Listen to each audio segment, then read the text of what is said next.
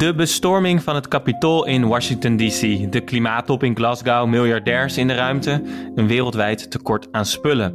De val van Kabul en Afghanistan, Chinese dreiging in de wateren rond Taiwan, oorlog in Ethiopië, het afscheid van Merkel. Vluchtelingen bij de Poolse grens en Russische troepen aan de grens bij Oekraïne. Omicron en uiteindelijk weer lockdowns. Dit was 2021.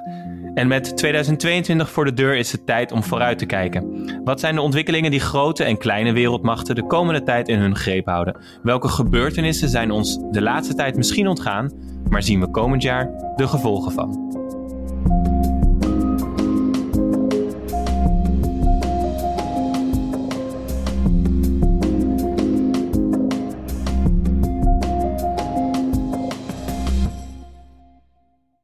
Welkom bij de podcast Wereldmachten. Mijn naam is Tim Wagenmakers, ik ben journalist en neem je elke week mee in het geopolitieke spel achter het nieuws. Deze week hebben we een nieuwjaarsspecial waarin we met twee speciale gasten vooruitblikken op een aantal grote geopolitieke thema's van het komend jaar. En natuurlijk doe ik dat zoals altijd met Hans Klis, journalist en oprichter van de Buitenlandredactie. Welkom Hans, fijn dat je er bent weer. Dankjewel, leuk om hier te zijn. Ja, ja, om hier te zijn. Hier te zijn is online dit keer, hè? want ook wij zijn er niet aan ontkomen. nee, klopt ja. Maar het is ook leuk hè, via schermpjes. Ja, ja, ja. We, we zijn het allemaal gewend ondertussen. Ja, qua vooruitzicht voor 2022 denk ik dat dat nog wel stand houdt. Um, hey, misschien toch even, van 2021 was het, het rijtje wat ik noemde was niet super positief, maar het was ook het jaar van de podcast Wereldmachten. Hoe, ja, uh, hoe kijk jij nou terug op ons eerste half jaar? Ja, groot succes. Groot succes natuurlijk. Nee, uh, ja, heel, ja, uiteraard heel positief. Uh, ik denk dat wij ja, zeker met onze onderwerpen uh, ja, heel veel verdieping hebben kunnen, kunnen geven uh, op, op het nieuws. Maar ook zelfs uh, voor het nieuws. Volgens mij onze aflevering over Interpol. Ja, die was heel erg... ja, een maand later stond er een groot stuk in de NRC over hoe Syrië Interpol gebruikte als wapen eigenlijk. Ja, op het ja, geopolitieke ja. schaakspel. Ik, ik moest deze weken met, met de lockdown ook veel denken aan de aan de vaccinatiepolitiek aflevering. Hè? en waarom uh, bijvoorbeeld Afrikaanse landen amper gevaccineerd zijn. En dat toch een beetje het beeld was van eerst aan onszelf denken. Nou, dat bijt ons ook aardig in de staart nu, zou ik zeggen, richting 2022. um, is er een thema dat we behandeld hebben waarvan je denkt, nou, dat, dat gaat in 2022, zouden we daar nog 20 afleveringen kunnen wijden? Want ik denk dat dat nog wel echt zo door gaat werken. Uh, de Space Race. Uh, komend jaar bouwt China verder aan het ruimtestation, uh, wat in de, in de baan rond de aarde gaat. En ja, die miljardairs die dit jaar de ruimte in gingen, ja, die gaan komend jaar ook gewoon weer de ruimte in. Dus ik denk dat we daar ook heel veel gaan zien, ook op het gebied van militaire wapens in, uh, in de ruimte. Daar ben ik heel benieuwd naar. Ja, ik zag Elon Musk alweer op Twitter dat hij um, uh, wel een weddenschap wilde aangaan dat hij als eerste op Mars uh, ging wandelen en van alles ging doen. Dus de, de space race is ook commercieel weer gaande. Um, we gaan het zien, maar we gaan vandaag een, een klein beetje terugblikken, maar vooral ook vooruitkijken naar wat zien we nou. Hè? En dat gaan we doen met twee gasten, namelijk Fernande van Tets, journalist. Ze was Midden-Oosten correspondent en is nu Nederland correspondent van Frans 24, Frans Quatre, Fin Quatre. Goed nou, zo. ik moet nog even mijn Frans oefenen. En Danny Pronk, onderzoeker aan instituut Klingendaal, gespecialiseerd in veiligheid China en Rusland. Um, Hans, waarom, waarom gaan we met deze twee mensen praten vandaag?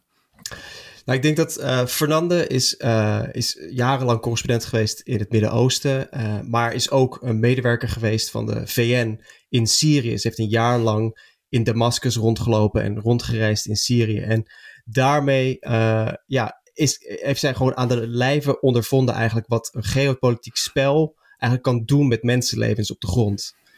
En dan hebben we natuurlijk Danny, Danny Pronk van het Klingendaal Instituut, het de denktank voor, voor, internationale relaties, die wij eigenlijk altijd als eerste bellen als we op zoek zijn naar een expert. En ja, Danny, eh, ja, die weet heel erg veel over, over nationale veiligheid, internationale veiligheid, de spanningen met Rusland, China, eh, Amerika. En ja, die, die kan heel erg, denk ik, vooruitblikken op wat we het komend jaar gaan zien, allemaal.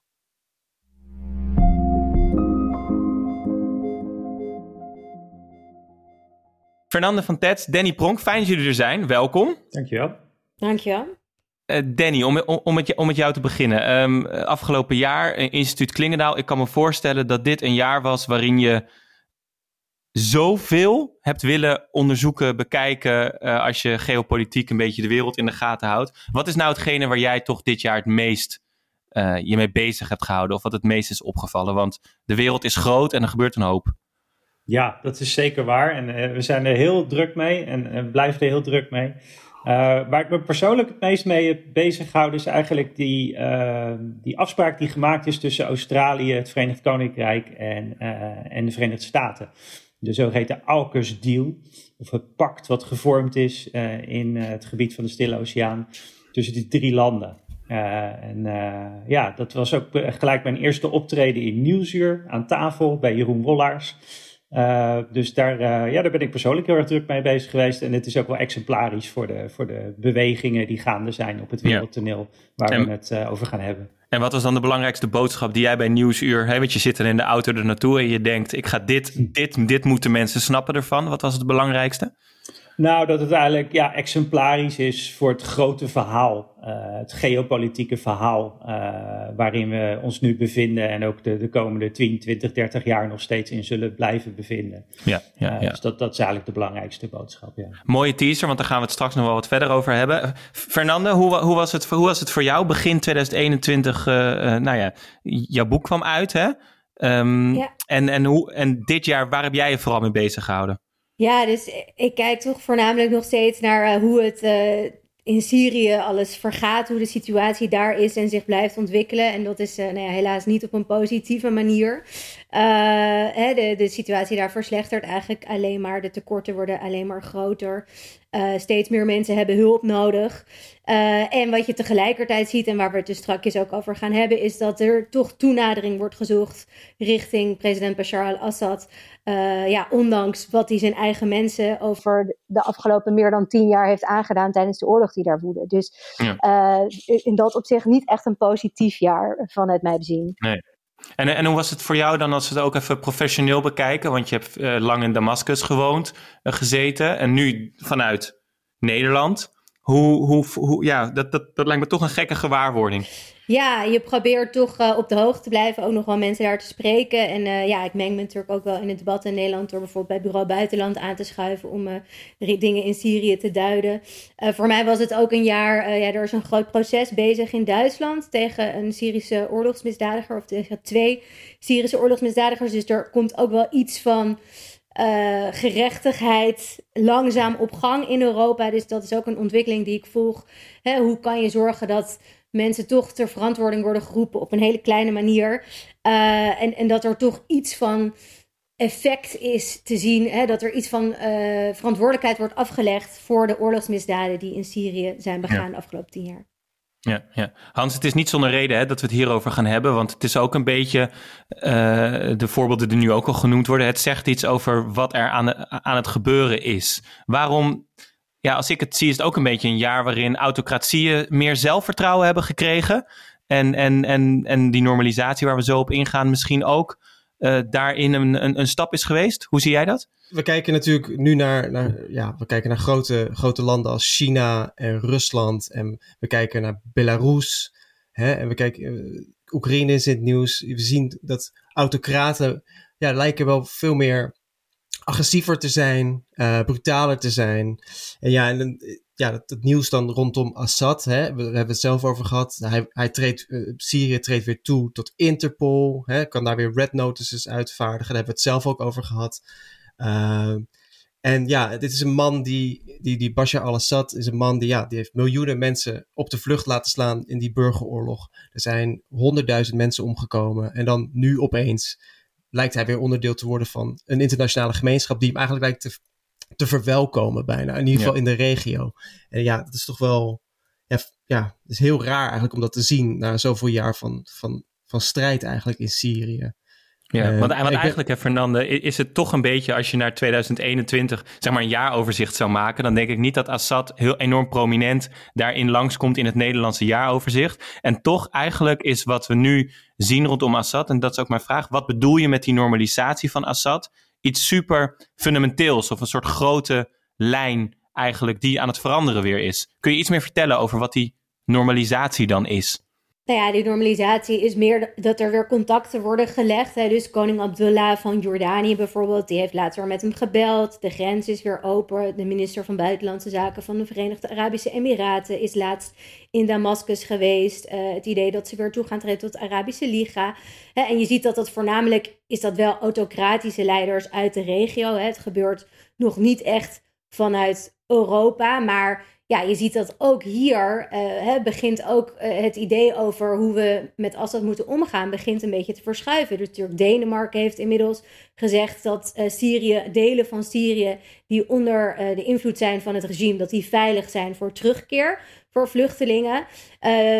In Zweden, als je daar asiel aanvraagt, krijg je niet meer automatisch uh, asiel als je uit Syrië komt. Uh, omdat ze zeggen dat je als je bijvoorbeeld uit Damascus komt, uit de hoofdstad, dat het uh, daar veilig genoeg voor je is. Dus je ziet dat die verschuiving aan de gang is. En ja, dat begint in de regio bij autocratische leiders. Maar hè, als het eenmaal begint, ontwikkelt zich dat ook steeds meer. Hè? Dus dat bijvoorbeeld dat hij bij Interpol weer, weer welkom is. Dat zijn allemaal kleine stapjes op weg naar een grotere rehabilitatie. Ja. En, maar waarom gebeurt dat eigenlijk? Ja, wel, ik denk een, een, beetje een acceptatie van de, van de realiteit. Hè? Ik bedoel, het is inmiddels meer dan tien jaar geleden dat de oorlog in Syrië uitbrak. En uh, sinds 2018 is het vrij duidelijk dat uh, president Bashar al-Assad nergens naartoe gaat. Hij heeft steeds meer land teruggewonnen met de luchtsteun van Rusland vooral. Uh, en ja, er is niet echt een alternatief meer voor hem. Ik bedoel, als je ook met Syriërs praat daar, hè, mensen zijn gewoon heel erg moe van het conflict. Uh, alle oppositie die er was, die is of gevlucht, zit gevangen of is dood, uh, om het heel cru te zeggen. Um, en dus ja, als dat dan uh, de leider is van je buurland, dan moet je toch maar eens gaan nadenken over hoe je daar dan mee om moet gaan. Ja, ja. En het zijn toevallig autocratieën in de, in de regio die daar als eerste mee zijn begonnen. Uh, wat, wat kunnen ze daar zelf, waar, waar, hoe profiteren zij daarvan, van die comeback van Assad? Ja, ik, je wil misschien uh, samenwerken als dat, als dat kan. Hè? Bijvoorbeeld, ik weet dat in Jordanië bijvoorbeeld maken zich enorme zorgen om de drugsmokkel die vanuit Syrië hun kant op komt. Nou ja, als je iets van samenwerking wil doen, moet je toch weer diplomatieke banden aanhalen. Natuurlijk zitten alle landen in de regio met een vluchtelingen probleem, uh, een vluchtelingenvraagstuk. Uh, dat er, hè, we, hebben het hier wel eens over vluchtelingen in Europa, maar natuurlijk de meerderheid van die mensen zit gewoon in buurlanden. Uh, en ja, daar leggen ze een enorme druk op de lokale economie, op het lokale systeem. Dat is in Jordanië en in Libanon vooral het geval. En daar willen ze ook wel dat er mensen teruggaan. Dus dan heb je toch, moet je die banden aanhalen. En je ziet het natuurlijk ook, denk ik, kan je het in een groter geopolitiek eh, perspectief plaatsen. Hè, van, uh, van onderlinge uh, verhoudingen. Dat, je, ja, dat je macht kan uitoefenen op die manier. Ja, want ik denk als we door de lens kijken van Assad, kunnen we misschien, als we naar andere autocratieën kijken, andere autocratische leiders, dit zegt ook iets voor hen, toch? Ik bedoel, dat, dat zelfs Assad een comeback kan maken op het internationale uh, toneel. Hè? Dat, dat, dat, dat is natuurlijk ook goed nieuws voor, voor uh, dictators, bijvoorbeeld in, in Wit-Rusland of of elders. Dat is denk ik het gevaarlijke eraan. Hè? Dat je eigenlijk zegt, je kan alles maken. Je kan een half miljoen mensen vermoorden. Je kan mensen bombarderen terwijl ze in de rij staan voor brood. Je kan ziekenhuizen bombarderen. Je kan chemische wapens inzetten tegen je, je eigen mensen. Je kan iedereen vastzetten in een gevangenis, laten verdwijnen. Uh, zonder dat hun familie weet waar ze zijn. En eigenlijk heeft dat op de lange termijn, als je het maar weet uit te zitten. Hè? Dus als je maar genoeg militaire steun weet te vergaren uh, om het uit te zitten en te overwinnen, dan ben je op den duur weer welkom op het wereldtoneel. En ja, dit moet ik eerlijk zeggen, is een Syrische strategie die wel eens eerder heeft gewerkt. Syrië is wel eens eerder een pariah geweest op het internationale toneel. Uh, denk aan bijvoorbeeld na 2005, toen ze uh, in Libanon de voormalige premier hebben opgeblazen. Toen waren ze heel lang persona non grata. Maar ja, als je een paar jaar wacht, dan ben je toch weer welkom. Omdat je opeens belangrijk bent in bijvoorbeeld uh, het gevecht dat in Irak bezig is tegen de jihadisten daar. Die je ook nog eens in het geval van Syrië vaak zelf daarheen hebt gestuurd. Dus ze weten heel goed dat als ze maar lang genoeg wachten, dat, uh, dat ja, hè, andere leiders die worden democratisch verkozen. Dus uh, die zijn na vier jaar, na acht jaar, komt daar weer iemand nieuw ten tonele en heeft misschien ander beleid. Terwijl ja De Assad, die uh, zijn al 50 jaar aan de macht. Dus uh, als je maar lang genoeg wacht, dan ben je op een gegeven moment weer welkom. Maar betekent dat dan ook dat je, uh, want dit jaar heb je toch ook wel gezien dat vooral in de zomer natuurlijk alle aandacht uitgegaan is naar de val van Kabul en naar Afghanistan. Dat, dat misschien ook vanuit jouw werk als journalist, dat de aandacht ook een beetje verslapt, waardoor het makkelijker is om een regime te bestendigen. Ik kan me namelijk voorstellen dat um, um, nou ja, soms de geopolitieke lens van wereldmachten weer ergens anders staat, terwijl sluimerend daaronder uh, is zo'n Assad weer sterker geworden. Ja, zeker. Ik bedoel, de aandacht. Hè. De media die gaat natuurlijk naar waar het vuur uh, het hardste brandt. En in Syrië is er eigenlijk op het gebied van de frontlinie sinds 2018, 2019 niet heel veel verschoven. Uh, tegelijkertijd denk ik ook dat die hele push voor de rehabilitatie wordt enorm door Rusland ook um, bewerkstelligd. Hè. Rusland is heel erg uh, uh, probeert te bewerkstelligen dat Syrië weer uh, ja, opgenomen wordt op het wereldtoneel. Dat is natuurlijk ook een manier om hun eigen steun aan dat regime te rechtvaardigen. Hè? Dat, dat, dat, als het weer onderdeel wordt van het geopolitieke systeem van het wereld, op het wereldtoneel weer geaccepteerd wordt.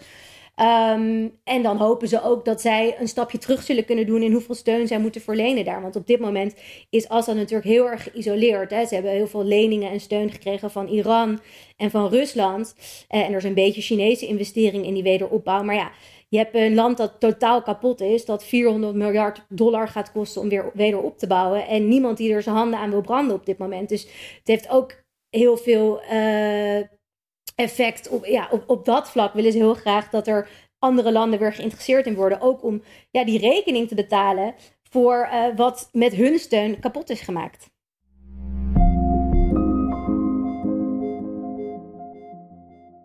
Misschien Danny, want ik ben ook wel geïnteresseerd als je dat wat groter doet. Ik herinner me dat hè, we hebben heel lang, uh, wanneer was dat, met Obama gepraat over een red line die niet gecrossed mocht worden. Nou, dat is overduidelijk gebeurd en heeft uiteindelijk geen consequenties gehad voor het feit of Assad daar wel of niet zit. We, we hebben ook gezien dat Biden uh, heeft gezegd: de time of nation building voor Amerika is, is voorbij. Betekent dit ook een, wat je nu hoort rond Assad op grotere schaal, dat, weet ik veel, Lukashenko en ook andere nou ja, zien, we komen er dus mee weg. Eigenlijk wat Fernando ook zegt. Ja, absoluut. Ik denk dat dat zeker waar is. En uh, niet, niet alleen op dit vlak, hè, dus dat, dat autocraten of, of zelfs dictators uh, met hun gedrag wegkomen uh, als ze maar lang genoeg in het zadel blijven, blijven zitten of weten te blijven zitten. maar ook bijvoorbeeld hè, wat er op het gebied van nucleaire non-proliferatie gebeurt. Hè het opzeggen van dat nucleaire akkoord wat Iran had gesloten met onder andere de Verenigde Staten. En dat is onder president Trump is dat, is dat eigenlijk de prullenbak in verdwenen. En, en je ziet nu dat, dat Iran steeds stapjes voor stapje opschuift, zeg maar, in de richting van nou ja, dingen die ze niet mogen. Dus het gebied van uraniumverrijking bijvoorbeeld, de ontwikkeling van ballistische raketten en dergelijke. En als daar dus geen rem op zit, geeft dat ook weer het signaal af aan andere would-be nucleaire mogendheden, die dan misschien ook denken van ja, dit, dit kan je dus ongestraft doen. Hm. Hè, dus dat zet de deur ook open voor verdere verspreiding van kernwapens en kernwapentechnologie naar, naar, naar de rest van de wereld. Dus, dus ook daar zie je dat, dat ja, als daar geen rem op wordt gezet, als dat niet effectief wordt, wordt gereguleerd of afgedwongen door de internationale gemeenschap, dan, uh, dan, zet je eigenlijk de deur open voor, ja, voor kwaadwillenden om maar verder te blijven gaan. Ja, en, maar president Biden heeft, heeft natuurlijk wel een hele andere buitenlandpolitiek dan zijn voorganger, Donald Trump. Um, die is bezig met, eigenlijk, die heeft met, met grote woorden, grote ja, toespraken over democratie en weer hè, uh, uh, een soort van een, ja, op, samen optrekken met andere landen in, ja, om die democratie te bevorderen in de wereld. Hij wil een uh, alliantie van democratieën. ja, hoe zie jij dat nu al vormgeven en, en wat voor kans geef je dat eigenlijk komend jaar? Nou, te beginnen moet je, moet je dat inderdaad zien. Het, is, het zijn heel veel mooie woorden. Uh, die worden gebezigd. Uh, maar de, ja, de, de, proof of the pudding zal zijn in de eating, in deze. Hè? Dus wat, wat, wordt er dan concreet tot stand gebracht? Ze hebben nu zo'n eerste bijeenkomst is belegd, hè? Maar de daadwerkelijke uitwerking daarvan moet dan ergens volgend jaar gaan plaatsvinden, bij een, bij een volgende bijeenkomst. Uh, en inderdaad, in, in, in uh, de, de, woorden die worden gebezigd klinkt inderdaad heel mooi. Hè? We, we, we maken een wereldwijde alliantie van democratieën. Om ons samen sterk te, te, maken tegen, tegen autocraten. en hè, we, we, met, met al die landen zeg maar, maken we dat bondgenootschap, landen met wie wij bepaalde waarden delen. Mensenrechten, het zijn van een rechtsstaat, democratische verkiezingen en dergelijke. Uh, maar ja, als je dan ziet welke landen er wel en welke landen er niet mogen deelnemen, uh, dan is daar ook weer heel erg uh, ja, sprake van een soort van selectiviteit. Hè, dus er, er, mogen wel landen deelnemen waarvan je vraagtekens kan zetten bij het zijn van een rechtsstaat bijvoorbeeld, of het hebben van open, vrije verkiezingen. Noem maar eens een. En, en, nou ja, de, de, de, dat is wel, wel te sprake gekomen dat er, dat er dus landen deelnemen in, uh, uit het Midden-Oosten of bijvoorbeeld uit Oost-Europa. Uh, ja, waar sommige mensen toch wel vraagtekens bij zetten van hè, voldoen die nou zeg maar aan dat hele rijtje van voorwaarden om toe te kunnen, kunnen treden tot zo'n tot zo'n alliantie van, van, van vrije democratieën. Uh, ja. En, en ja, China andersom, die, uh, die uh, is behoorlijk op zijn teentjes getrapt. Uh, dat zij hier buiten worden gesloten. en ja, zo zijn er ook meer, zeg maar, die, die dat dan opmerken. Ja. Ja, het raakt een beetje Fernando ook aan de vraag, denk ik. En misschien is dat wel iets waar in 2022 het spel echt op de wagen zit. Willen we samenwerken op bepaalde gebieden met autocraten, leiders of, of dictators? Of willen we ze helemaal proberen te isoleren? En een van de dingen waar ik altijd het idee heb dat dat enorm samenkomt, is migratie. Zeker. Want op het moment dat rond de grens het gaat. Nou, dat is misschien ook al met Assad zo trouwens. Op het moment dat daar een vluchtelingenstroom op gang weer zou komen, of komt, of misschien al is, dan wordt het bij ons ook weer meer besproken en relevanter blijkbaar. Van we, we moeten hier pragmatisch mee omgaan. Het klinkt een beetje cru, maar dat is misschien wel een beetje hoe erover gesproken wordt dan. Ja, ik denk dat dat is. Hè, dat, er zijn twee, denk ik, gedachtenscholen hierover. Het eerste is. Uh, je moet niet het gesprek aangaan met zo iemand, juist omdat wat hij allemaal zijn eigen mensen heeft aangedaan, hè, wat ik net allemaal al noemde. De andere school is die zegt, nou ja, Syrië is uh, niet ver weg van ons. Hè. We zijn niet zoals Amerika dat er een enorme zee tussen zit. Uh, je bent vanuit Syrië zo in Turkije en vanuit daar zo in Griekenland. Hebben wij in 2015 ook bijvoorbeeld gezien. Uh, je moet juist wel in gesprek blijven uh, of weer gaan, omdat het ja, een uh, conflictgebied is, een regio van een instabiele regio vlakbij Europa. Hè, dus je moet wel in gesprek gaan, omdat je ja, wil, kwaad wil voorkomen, zeg maar, of erger wil voorkomen voor jezelf. Dus ja, dat zijn gewoon twee verschillende gedachtenscholen. En hè, wat je heel lang zag, is dat eigenlijk het idee dat je niet met Assad in gesprek moest gaan uh, dat dat ja, de overhand had. Hè? En ook vanuit Europa is dat nog officieel het beleid. Maar ja, uh, langzamerhand de stemmen die zeggen: oké, vanuit een pragmatisch oogpunt moet je inderdaad toch, hè, toch in gesprek gaan, toch daar wat mee doen. Die worden denk ik wel luider. En ja, afgelopen jaar migratie, hè, als je kijkt naar wat er in Belarus is gebeurd, daar heeft de EU heeft een manier gevonden om om Lukashenko heen te gaan. Hè, door bijvoorbeeld direct met vliegtuigmaatschappijen te bellen en te zeggen: als jullie nog mensen vervoeren, dan ontzeggen we jullie het luchtruim in Europa. Dus hè, als je daar een manier omheen kan vinden, dan is dat super. Uh, maar ja, dat is niet, natuurlijk niet bij in elke casus het geval. Nee, ik bedoel, we, hebben het over, we hebben het wel over de EU. 27 lidstaten die het niet altijd met elkaar eens zijn. Um, ja, weet je, Hongarije, die, die, die, ja, die is meer naar Rusland uh, georiënteerd. Hoe, hoe kan de EU nou uh, op, het, ja, op het grote schaakbord bij, bij grote kwesties zoals China uh, eigenlijk wel eensgezind optrekken? Want het lijkt me heel erg lastig. juist door die 27 stemmen. Danny. Ja, dat is, dat is inderdaad het grote probleem eigenlijk. Uh, je hebt inderdaad te maken met 27 lidstaten die allemaal hun individuele ja, perceptie eigenlijk hebben van de problemen waarmee wij geconfronteerd worden. En het is, uh, het is heel lastig, uh, misschien soms wel onmogelijk, om dat allemaal op één lijn te krijgen. Uh, om inderdaad gemeenschappelijkheid en, en, en, samenhang te creëren in hoe we naar de wereld kijken, die, waardoor we omringd worden en, en de veiligheidsuitdagingen waarvoor we staan als, als Europa en als Europese Unie. En dat, ja, dat zie je ook op dit soort kwesties ja, elke keer weer terugkomen. Dus dat, dat Europa vindt het heel erg moeilijk om met één mond te spreken. Uh, en om inderdaad prioriteit te geven aan ja, bepaalde vraagstukken, omdat daar de meningen zo sterk over verschillen. Hè? Waar, waar, moet, waar moet ja, de, de interesse nou echt naar uitgaan? Waar moeten we nou echt wat, wat, wat zien te betekenen? Daar verschillen de meningen zo enorm van tussen, tussen het, het, oosten van Europa, het zuiden van Europa. ja, dat is maar moeilijk. Wat staat er nu op het spel dan? Want ik, ja, ik, ik hoor al jaren, ik, ook, ook, toen ik op de middelbare school zat, hoorde ik de Europese Unie moet niet een, eh, een, een eh, hoe noemt ze dat, de dwarfing of Europe, moet niet een soort kleine dwerg worden tussen Amerika en China. Dat hoor je natuurlijk al jaren. En tegelijkertijd, als je, nou ja, als jou of andere analisten spreekt, lijkt het toch wel alsof we in een soort wereldbeeldenstrijd zitten waar Europa nu echt positie moet gaan kiezen. Um, Kun je dat duiden? Want het klinkt ook een beetje, waarom is dat dan nu zo belangrijk in 2022 of 2023? Maar in ieder geval, wat staat er dan concreet op het spel? Nou, omdat we eigenlijk nu op het punt in de, in de geschiedenis eigenlijk zijn beland, in de ontwikkelingen eh, zijn beland, dat, uh, dat, dat, dat dat keuzemoment heel erg voelbaar wordt. Hè? Dat we daar meer en meer eigenlijk mee met de, met de neus op de feiten worden gedrukt. Ik noemde al in mijn inleiding dat, dat pact, dat veiligheidspact, AUKUS, wat, uh, wat enige tijd geleden is gesloten tussen Australië, het Verenigd Koninkrijk en de Verenigde Staten.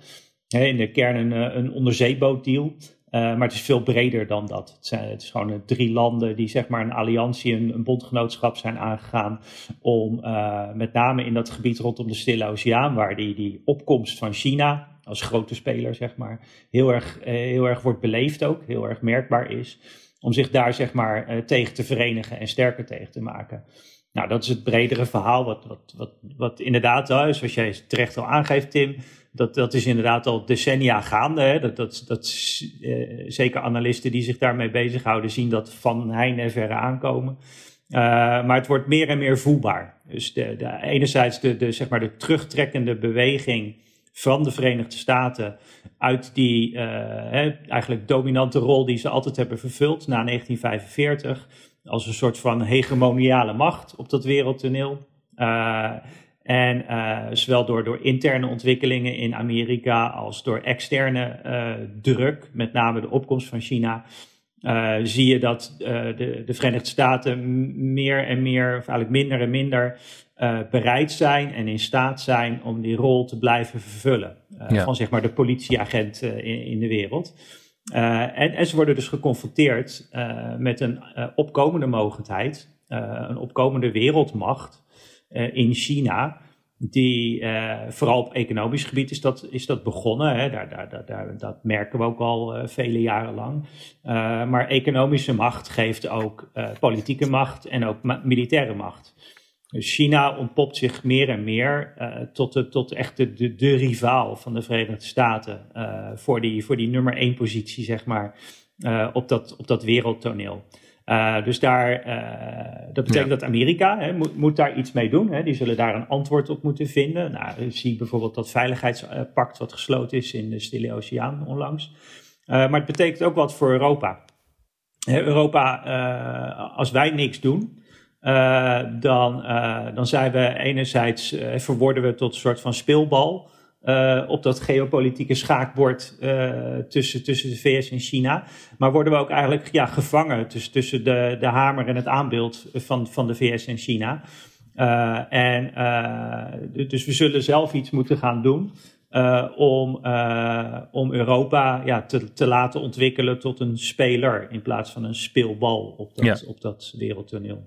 Maar zou je dan misschien kunnen zeggen, Fernande, dat misschien die oude structuur, want we hebben natuurlijk wel iets opgetuigd, de Verenigde Naties bijvoorbeeld, we hebben een veiligheidsraad, we hebben eigenlijk geregeld dat meer landen dan alleen Amerika en China een stem hebben, dat dat een beetje op zijn laatste benen loopt. Is, is dat dan een goede analyse?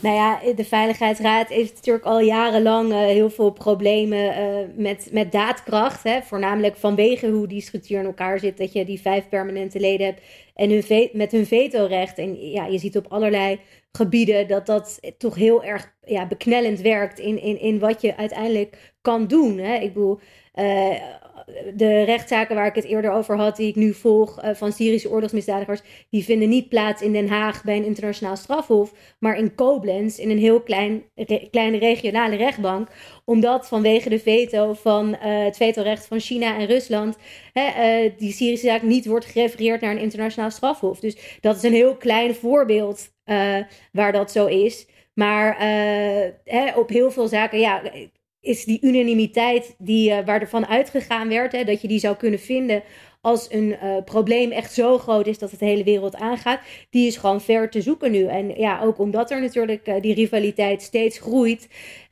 en dus ook andere landen een toneel vormen om die macht uit te oefenen. Ja. En er is geen ruimte voor, voor hervorming binnen de VN om dat te veranderen, bijvoorbeeld. Ja, ik zou niet weten hoe, want de enige manier is dat de, die landen dan er zelf voor kiezen om macht op te geven. En ik denk dat als je naar de geschiedenis kijkt, dat uh, landen daar uh, nooit heel enthousiast over zijn om, uh, om hun eigen macht te verspelen. Nee.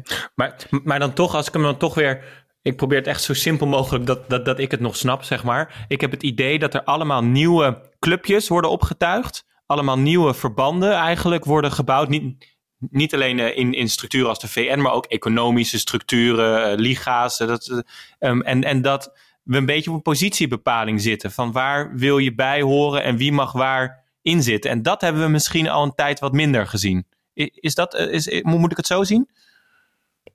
Ja, wat, wat, mij, wat betreft wel. De, de, eigenlijk het grote verhaal van, van, van deze tijd is dat we, we komen van een wereld die, uh, die zij kunnen schetsen, kenschetsen als een multilaterale wereld. Dus een wereld die, die we hebben leren kennen na, na de afloop van de Tweede Wereldoorlog. Waar uh, heel veel internationale instellingen, organisaties zijn geformeerd. Waaronder inderdaad de Verenigde Naties, uh, niet, in, niet in de laatste plaats.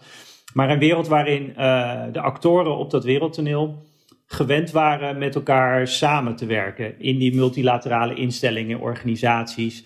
En dat gebeurde uh, redelijk op basis van hè, gedeelde interesses, belangen, uh, op, op basis van af, afspraken, regels, uh, normen en dergelijke. en we zijn meer en meer, hè, dat is een beweging die, die zeg maar zo, zo 10, 20 jaar heeft geduurd. maar we zijn meer en meer terechtgekomen in een, in een multipolaire wereld. Uh, waarin uh, diezelfde actoren uh, eigenlijk meer in competitie, in strijd met elkaar zijn geraakt. en waarin ja, ook dingen plaatsvinden zoals blokvorming. Dus je, je, je noemde net al, Tim, hè, van landen sluiten zich aan bij bepaalde nieuwe clubjes en zo. Maar dat zijn andere clubjes dan in het verleden. Hè. In het verleden hadden we inderdaad van die multilaterale organisaties. Uh, maar dit, dit is meer inderdaad letterlijk blokvorming. Dus je, je schaart je in het ene of het andere kamp uh, en, en daar hoor je dan bij. Nou, zo hebben die Australiërs dus twee maanden geleden een belangrijke keuze gemaakt. Die hebben zich dus geschaard bij dat Amerikaanse of Anglo-Saxische kamp. Hm. Ja, en dat is eigenlijk een soort van terugkeer naar de great game politics. Met van de, de grote supermachten, met de invloedssferen. Van, ja. de, van het begin van de 20e eeuw is eigenlijk weer teruggekeerd. We zijn eigenlijk 100 ja. jaar terug in de tijd gaan. En... Terug in de tijd, ja, daar, daar heeft het uh, heel, erg, uh, heel erg parallellen mee. Uh, en, en jij ziet het ook wel terug in het denken van, van zo iemand als Vladimir Poetin, hè, waar, waar hij nu om vraagt, met die oplopende spanningen rondom Oekraïne en Belarus en zo, is eigenlijk om weer afspraken te maken met, met het Westen van wat is nou van mij en wat is van jullie? Hè? Waar, waar, hoe baken we die invloedssferen en die exclusieve invloedssferen nou af uh, tussen, tussen ons beiden? Ja. het liefst wil hij eigenlijk een soort nieuwe Jalta-achtige overeenkomst, uh, die in 45 is afgesproken, van nou, wat, wat is van mij en wat is van jullie? Ja, en, en, en Fernando, het lijkt mij, uh, bij mij komt het een beetje naar boven van, ja, Syrië is misschien wel een van de eerste plekken waar we het zo duidelijk hebben gezien, waar die great game politics weer eigenlijk terug is in de wereld. Waar, opeens, waar Amerika eh, opeens invloed uh, probeerde uit te oefenen, Rusland ook. En daar eigenlijk in botsing kwamen met elkaar. Nou ja, ik denk dat je heel eerlijk moet zijn dat Rusland het gewoon veel beter gespeeld heeft in Syrië uh, dan vrijwel iedereen anders. Hebben, ze hebben heel duidelijk stelling genomen, heel duidelijk een kant gekozen, hebben dat uh, gesteund met geld, met uh, militaire steun, met politieke steun in de VN. Daar zijn, daar zijn ze nog steeds mee bezig trouwens. Ik, ik, denk in 2022, een van de dingen die we gaan zien is er wordt nu hulpverlening verschaft vanuit Turkije naar het noorden van Syrië. En Damascus zegt nee, die hulp die moet nu via Damascus worden gegeven, want hè, wij kunnen dat prima zelf. Uh, en voorheen kwam er ook hulp vanuit Jordanië en vanuit Irak, maar die zijn nu allemaal onder druk van Rusland. Is dat allemaal voorbij? Uh, en ja, wat je nu ziet is dat er nu ook weer uh, uh, op VN-niveau, wordt er, in januari wordt daar opnieuw weer over onderhandeld. En dan wordt er gezegd, oké, nou ja, als je die grensovergang over, open wil houden, dan moet je toch wel nog wat meer steun gaan geven aan Assad. Toch nog wat geld die kant op. Um, dus Rusland heeft het gewoon op elk vlak, militair, politiek, financieel, hebben zij enorme steun verleend. En, en, en ja, profiteren daarvan, of zien daar gewoon een resultaat van. Hè? Ik bedoel, het is echt een speler weer in het Midden-Oosten. Mensen houden er echt rekening mee. Uh, terwijl Amerika, ja, heeft natuurlijk tegen IS opgetreden, maar ja, wou niet zat daar niet voor, voor een lange tijd, heeft dat ook heel duidelijk gezegd. Um, en ja, eigenlijk is het Midden-Oosten nu, zou ik zeggen, een beetje de sfeer van Rusland op dit moment.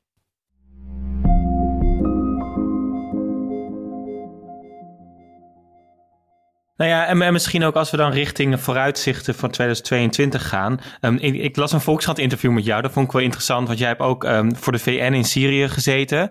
En, en daar zei je eigenlijk dat hulpverlening toch een beetje leidt aan een Stockholm-syndroom. Zo, zo noemde je dat in dat interview. Dat um, je toch ook onderdeel bent van toegang krijgen via uh, Assad in dit geval. Maar dat ga je natuurlijk ook in 2022 zien rondom bijvoorbeeld Afghanistan. Hè? Dus daar is nu ook een roep om, om hulp. Um, ik, ik zat te denken in dat hele geopolitieke wat we proberen te analyseren. Komt hulpverlening, nou ja, Linda Polman heeft prachtige boeken erover geschreven. maar komt hulpverlening heel vaak niet zo onder de aandacht. Terwijl dat is toch ook een manier om macht te bestendigen, hoe je dat inregelt. Ja, vooral uh, hulpverlening heeft natuurlijk gewoon financiële macht. Mensen geven gewoon veel geld uit. Uh, in Syrië is dat 2,5 miljard per jaar. En Afghanistan is ook nu natuurlijk. Hè, de Taliban heeft geen uh, toegang meer tot de reserves die ze hadden in het buitenland. Maar wat er wel nog binnenkomt is geld via hulpverlening. Dus ja, het is altijd een enorm machtsmiddel. Ik wil, ja, en hoeveel het waard is, dat verschilt natuurlijk ook. Want uiteindelijk hulp moet altijd komen van donoren. En hè, waar donoren in geïnteresseerd zijn, wordt ook heel erg bepaald door de nieuwscyclus. Dus op dit moment is dat inderdaad Afghanistan door, en Syrië. Uh, maar ja, dat kan ook weer veranderen. Hè? Ik bedoel, als er in 2022 een enorme natuurlijke ramp ergens gebeurt, gaat er misschien dan weer heel veel geld en aandacht daar naartoe. Uh, maar het is zeker een factor om over na te denken. En ja, uh, en, en dat Stockholm-syndroom wat je eerder zei, dat is denk ik meer inderdaad dat als je ter plaatse bent, uh, voel je enorm de noodzaak om te doen wat je kan doen. En heb je minder de mogelijkheid om die afstand te nemen die je misschien als je wat verder weg zit, te zeggen, hé, hey, als ik kijk naar het hele plaatje, is wat we dan nu doen, uh, draagt dat nog wel bij aan een goede zaak? Of eigenlijk maak ik iets op de lange termijn alleen maar erger? Omdat ik bijvoorbeeld uh, hè, veel van mijn hulp afsta aan uh, de regering die aan de macht is. En wat voor les leert dat aan toekomstige leiders? Hè? Dat als je bijvoorbeeld geen toegang verschaft tot de helft van je bevolking, uh, maar dat de hulp toch blijft binnenstromen. Dat is voor mij, voor mij het gevaar daarvan. En dat is natuurlijk in Afghanistan, als dat geld maar blijft binnenstromen en het op een gegeven moment ook natuurlijk op manieren wordt uitgegeven waar we niet, die we niet, dat we niet graag willen. Ja, ik wil, als je in, Afghanistan ja. zit en je kijkt naar Syrië, dan denk je, nou ja, dat komt wel goed. Ja, ja. Misschien, want we gaan hem een beetje afronden. Wat zijn nou, als we dit verhaal wat we met elkaar vertellen over nou ja, die, die, die blokvorming en ook de, de keuzes die erin gemaakt worden, maar ook de gevolgen wat dat nu heeft voor mensen in Syrië of aan de grens uh, van Belarus. Wat zijn voor jou, Fernande, wat is iets waarvan je zegt in 2022 um, ga ik hierop letten? Of dit is voor mij een belangrijk moment wat er aankomt? Of hier ben ik nieuwsgierig naar? Uh, ja, voor, mij is dat dan toch uh, kijk ik liever naar dingen ook die wat dichterbij gebeuren, dus in Europa. Uh, en voor mij is dat dan heel erg te doen met, ja, ook, hè, we, we zijn heel erg bezig met een Europese vluchtelingenproblematiek die één muur optrekt aan de grens van Europa. En dat we daar heel erg één stem zijn. Maar als je kijkt naar het interne beleid, hoe we bijvoorbeeld ook over hoe asielaanvragen worden beoordeeld, daar zie je gewoon nog verschil in. En ja, voor mij is dat nu het duidelijkste als je kijkt naar de Syriërs die in Denemarken zaten, die daar uh, bescherming genoten. En nu opeens te horen krijgen dat ze op straat staan. Die gaan gewoon nu shoppen binnen de EU eigenlijk. Die gaan proberen elders asiel aan te vragen. En het hele idee is dat dat niet kan. Maar het gebeurt toch. En uh, ja, ik denk dat Europa, als je als één persoon wil, uh, als één actor wil gedragen naar buiten toe, dan moet je dat ook naar binnen toe doen. Ja, ja, ja, ja, ja heel goed. Danny, voor jou, zelfde vraag?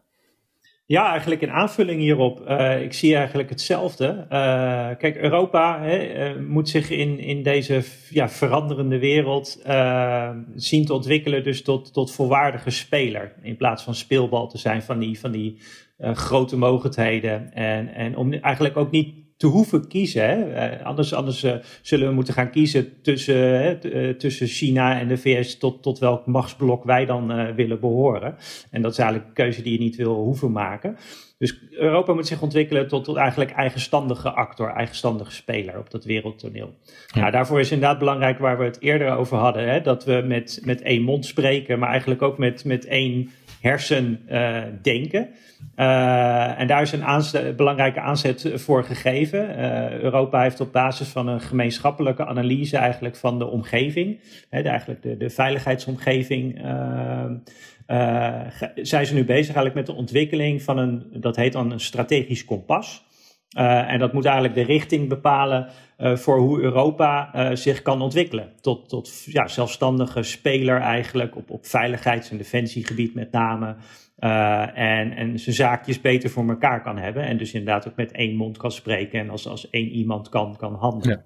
Uh, en dat strategische kompas, dat gaat in uh, uh, volgend jaar, gaat het onder het Franse voorzitterschap van de Europese Unie, wordt, dat, ja, wordt dat opgesteld en, en, en, afgesproken, zeg maar. Dus dat bepaalt eigenlijk de, de richting voor, voor de Europese. Unie voor de komende ja, tien jaar, zeg maar, ja. op, op veiligheids- en defensiegebied. Nogal een belangrijk jaar, Hans. 2022 ja. dus, voor de positiebepaling. Wat neem jij nou mee? Want we gaan vanaf 20 januari gaan we weer elke week afleveringen maken. Um, hebben we een extra lens om, uh, om te kijken naar wat we gaan doen? Ja, ik denk het wel. Ik denk uh, wat, wat zowel Danny als, als Fernando natuurlijk zeggen, van dat Europa gewoon eigenlijk gewoon ja, veel meer samen moet gaan doen. En, en, en naar binnen moet gaan kijken ook, naar zichzelf, van wat willen we nou eigenlijk? Ik denk dat ik wel heel erg benieuwd ben in, uh, in het komende jaar, van wat daar nou eigenlijk, ja, hoe dat vorm gaat, gaat krijgen eigenlijk. Ja. ja. Jij?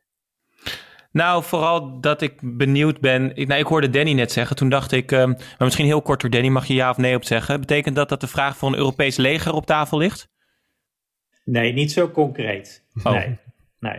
Oké, okay, want want, want, dat is altijd de, de, discussie waar die hiertoe wordt platgeslagen. Maar ik ben wel heel benieuwd wat dan de invulling gaat zijn van hoe je dat dan met elkaar doet.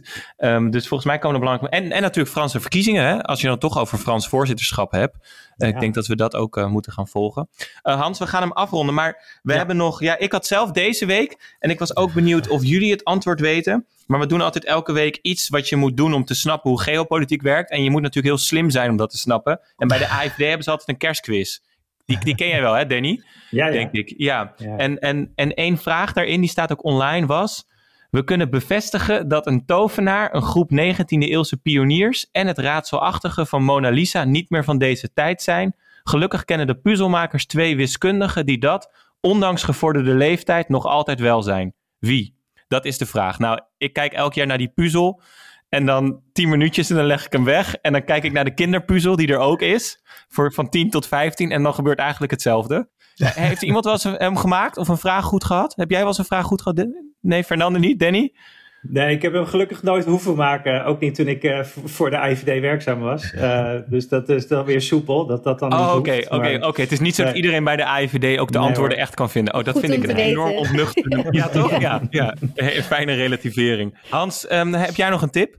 Ja, we hebben het uh, volgens mij heel veel over Afghanistan ook gehad. En um, afgelopen, nou wacht even, uh, 10 december kwam er een mooi artikel online van de New Yorker van Steve Cole. Dat is een journalist die echt de, ja, een van de experts is op het gebied van Afghanistan en de rol van Amerika in Afghanistan de afgelopen 30 jaar. En dat, dat, ja, dat wil ik eigenlijk iedereen meegeven om te gaan, luisteren, te gaan lezen eigenlijk. Want dat zegt zoveel over wat er mis is gegaan de afgelopen 20 jaar in Afghanistan. En wat we volgend jaar ja, allemaal nog gaan zien ja. in het land. Ja. Nou mooi, dan gaan we die ook lezen. Ehm, zoals gezegd, we zijn er dus even uit voor een korte winterstop. Maar vanaf 20 januari kan je weer wekelijks naar ons luisteren.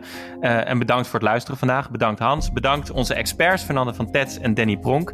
Um, u luisterde naar een podcast van Dag en Nacht Media in samenwerking met de Buitenlandredactie. Productie door Esther Krabbendam, redactie Jeroen Sturing, Meerte van Munster. Montage door Jeroen Sturing, eindredactie Anne Janssens. De muziek is van Studio Cloak. Je vindt ons op vriendvandeshow.nl slash en op het account Wereldmachten. Fijne jaarwisseling!